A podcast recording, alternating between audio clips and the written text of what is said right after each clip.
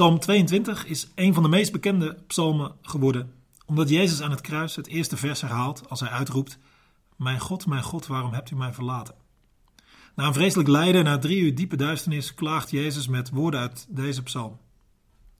Deze ene zin is overigens niet het enige vers uit Psalm 22 dat past op het kruis van Jezus. Allerlei andere teksten uit het eerste deel van Psalm 22 komen precies uit.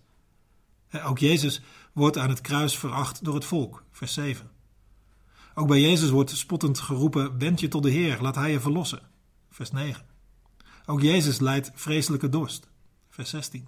Ook bij Jezus zijn zijn handen en voeten doorboord, vers 17. En ook bij Jezus worden zijn kleren onder elkaar verdeeld en wordt het lot erover geworpen, vers 19. In een paar uren aan het kruis komen al die woorden van Psalm 22 precies uit.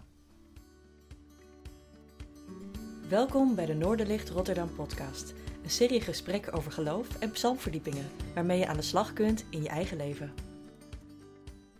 Laten we deze psalm, die wat langer dan gemiddeld is, maar gewoon in zijn geheel lezen. Mijn God, mijn God, waarom hebt u mij verlaten? U blijft ver weg en redt mij niet. Ook al schreeuw ik het uit. Mijn God, roep ik, overdag en u antwoordt niet, s'nachts en ik vind geen rust. U bent de Heilige, die op Israëls lofzanger troont. Op u hebben onze voorouders vertrouwd. Ze hebben vertrouwd en u verloste hen, tot u geroepen en zij ontkwamen. Op u vertrouwd en zij werden niet beschaamd, maar ik ben een worm en geen mens. Door iedereen versmaad, bij het volk veracht. Allen die mij zien, bespotten mij. Ze schudden mij warig het hoofd. Wend je tot de Heer, laat Hij je verlossen. Laat Hij je bevrijden. Hij houdt toch van je? U hebt mij uit de buik van mijn moeder gehaald, mij aan haar borsten toevertrouwd. Bij mijn geboorte vingen uw handen mij op. Van de moederschoot af bent u mijn God. Blijf dan niet ver van mij, want de nood is nabij en er is niemand die helpt. Een troep stieren staat om mij heen, buffels van Bazan omsingelen mij. Roofzuchtige, brullende leeuwen sperren hun muil naar mij open. Als water ben ik uitgegoten, mijn gebeente valt uiteen. Mijn hart is als was, het smelt in mijn lijf. Mijn kracht is droog als een potscherf mijn tong kleeft aan mijn gehemelte. U legt mij neer in het stof van de dood. Honden staan om mij heen. Een woeste bende sluit mij in. Ze hebben mijn handen en voeten doorboord. Ik kan al mijn beenderen tellen. En ze kijken vol leedvermaak toe, verdelen mijn kleren onder elkaar en werpen het lot om mijn mantel. Heer, houd u niet ver van mij. Mijn sterkte, snel met de hulp. Bevrijd mijn ziel van het zwaard. Mijn leven uit het greep van die honden. En red mij uit de muil van de leeuw Bescherm mij tegen de horens van de wilde stier. U geeft mij antwoord. Ik zal uw naam bekendmaken, u loven in de kring van mijn volk. Loof hem, allen die de Heer vrezen. Breng hem eer, kinderen van Jacob. Wees beducht voor hem, volk van Israël. Hij veracht de zwakke niet.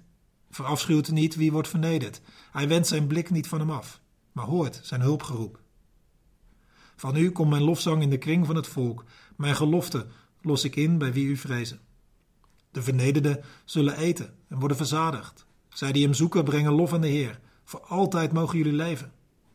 Overal, tot aan de einde der aarde, zal men de Heer gedenken en zich tot hem wenden.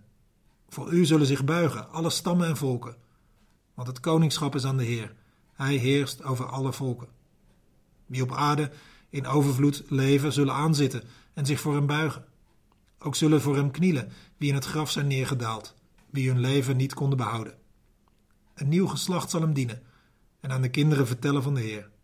Aan het volk dat nog geboren moet worden, zal het van zijn gerechtigheid verhalen. Hij is een God van daden.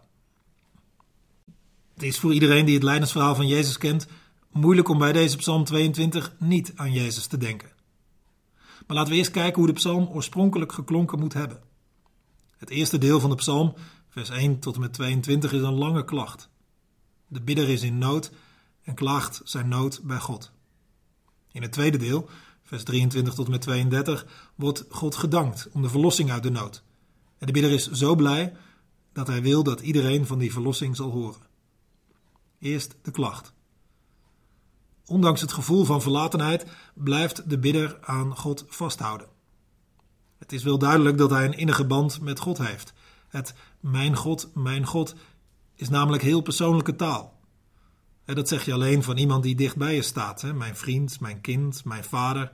Nou, zo ook mijn God.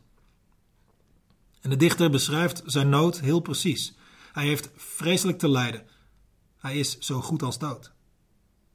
En zijn vraag is simpelweg wat hij in vers 12 zegt: Blijf niet ver van mij. Dat is het enige wat hij van God vraagt.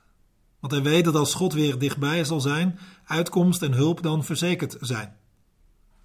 Daarom bidt hij ook om in vers 20 tot en met 22, weer om die nabijheid van God en nu verbonden met het smeek om hulp, redding. Het klinkt daar: Heer, houd u niet ver van mij. Snel mij te hulp. Bevrijd mijn leven uit de greep van die honden. De bidder in zijn nood bidt met korte en dringende zinnen. Wees bij mij, help mij, red mij, bevrijd mij, geef mij antwoord. dat is de taal van iemand in heftige nood. En dan in vers 23 is er een enorme omslag, die je wel vaker tegenkomt in de psalmen. Opeens is de klacht veranderd in dank. Er is alleen maar verbazing over God, er wordt gejubeld en iedereen wordt opgeroepen God te loven. De dichter moet blijkbaar dit goede nieuws wel vertellen en hij wil dat iedereen het hoort. En hij begint in zijn eigen kring, zijn eigen volk in vers 23 en daarna allen die ontzag voor de Heer hebben. In vers 28 wordt de kring nog wijder, daar gaat het over alle stammen en volken. En in vers 31 worden de volgende generaties erbij betrokken. Ook zij zullen horen van de Heer en zijn daden. Wat er precies gebeurd is, wat de omslag precies veroorzaakte, of dat dat bepaalde redding was, of een bepaalde belofte van God, of dat God van zich had laten merken dat hij dichtbij was, of een antwoord, dat staat er niet. Maar alles wordt anders en iedereen moet het weten. Wat zegt deze Psalm 22 ons dan? Ik wil het bij twee dingen houden. Om bij het laatste deel van de psalm te beginnen. Dat zegt ons dat dingen ten goede kunnen keren op het gebed. Tot God bidden in je nood verandert werkelijk iets. Hoe hopeloos je situatie ook is. Je klachten en je smeekbedes worden gehoord. En je situatie kan verkeren in iets hoopvols. Hoe ellendig ook, hoe vreselijk je aan toe bent, het is met God nooit hopeloos. Alles wordt anders. Dat had het bidder van Psalm 22 meegemaakt tot zijn stomme verbazing. Jezus maakte dat ook mee, tot verbazing van velen. Er wordt wel gedacht dat Jezus er wel op rekende. En dat hij daarom het eerste vers van Psalm 22 bad, vanwege juist dat hoopvolle tweede deel. Dus dat hij ook het einde al in gedachten had, op het moment dat hij zijn klacht uitsprak. Dat hij wist dat alles ten goede zou worden gekeerd en dat alle volken en stammen, de hele wereld, van Gods daden zouden gaan horen. Hoe het ook zij, dat ging bij Jezus dwars door de dood heen voordat de dingen ten goede werden gekeerd. Bidden bewaart je lang niet altijd voor ellende, nood of moeite. Maar op het gebed kan en wil God je er wel doorheen halen, zelfs door de dood. Het tweede wat deze psalm ons zegt, haal ik uit dat eerste deel. De pijn is reëel, het fysieke lijden enorm, het is vreselijk. Het gevaar kan zijn dat we te snel naar het tweede deel stappen en zeggen: ja, gelukkig, er is hoop, het komt goed. Ja, dat is zeker gelukkig. Maar niet te snel over het lijden heen stappen. Dat gebeurt in deze psalm ook niet. 22 versen lang is er kommer en kwel, is het doffe ellende.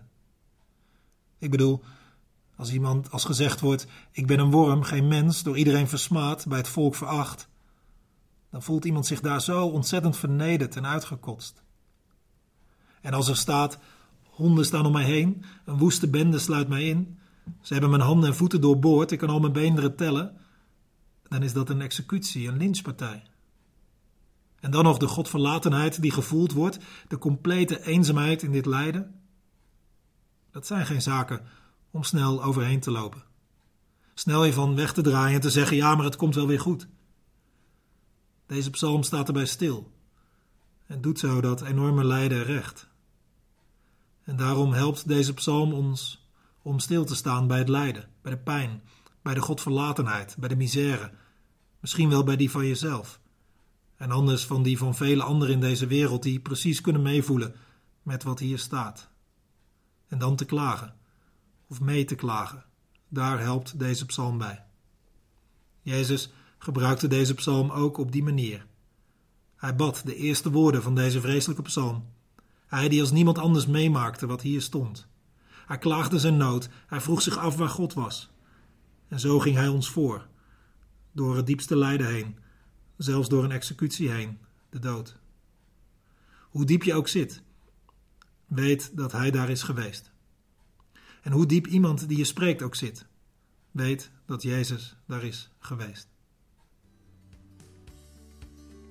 Bedankt dat je luisterde naar de Noorderlicht Rotterdam podcast. We hopen dat je er iets aan had. Je kunt alle afleveringen beluisteren via Spotify, Apple Podcasts, Google Podcasts en natuurlijk via www.noorderlichtrotterdam.nl. Heb je een verzoek voor een onderwerp of heb je een idee voor een gast in de podcast? Stuur dan een mailtje naar podcast.noorderlichtrotterdam.nl of vertel het ons via Twitter. En misschien kun je ook een kijkje nemen op ons YouTube-kanaal. Tot de volgende keer.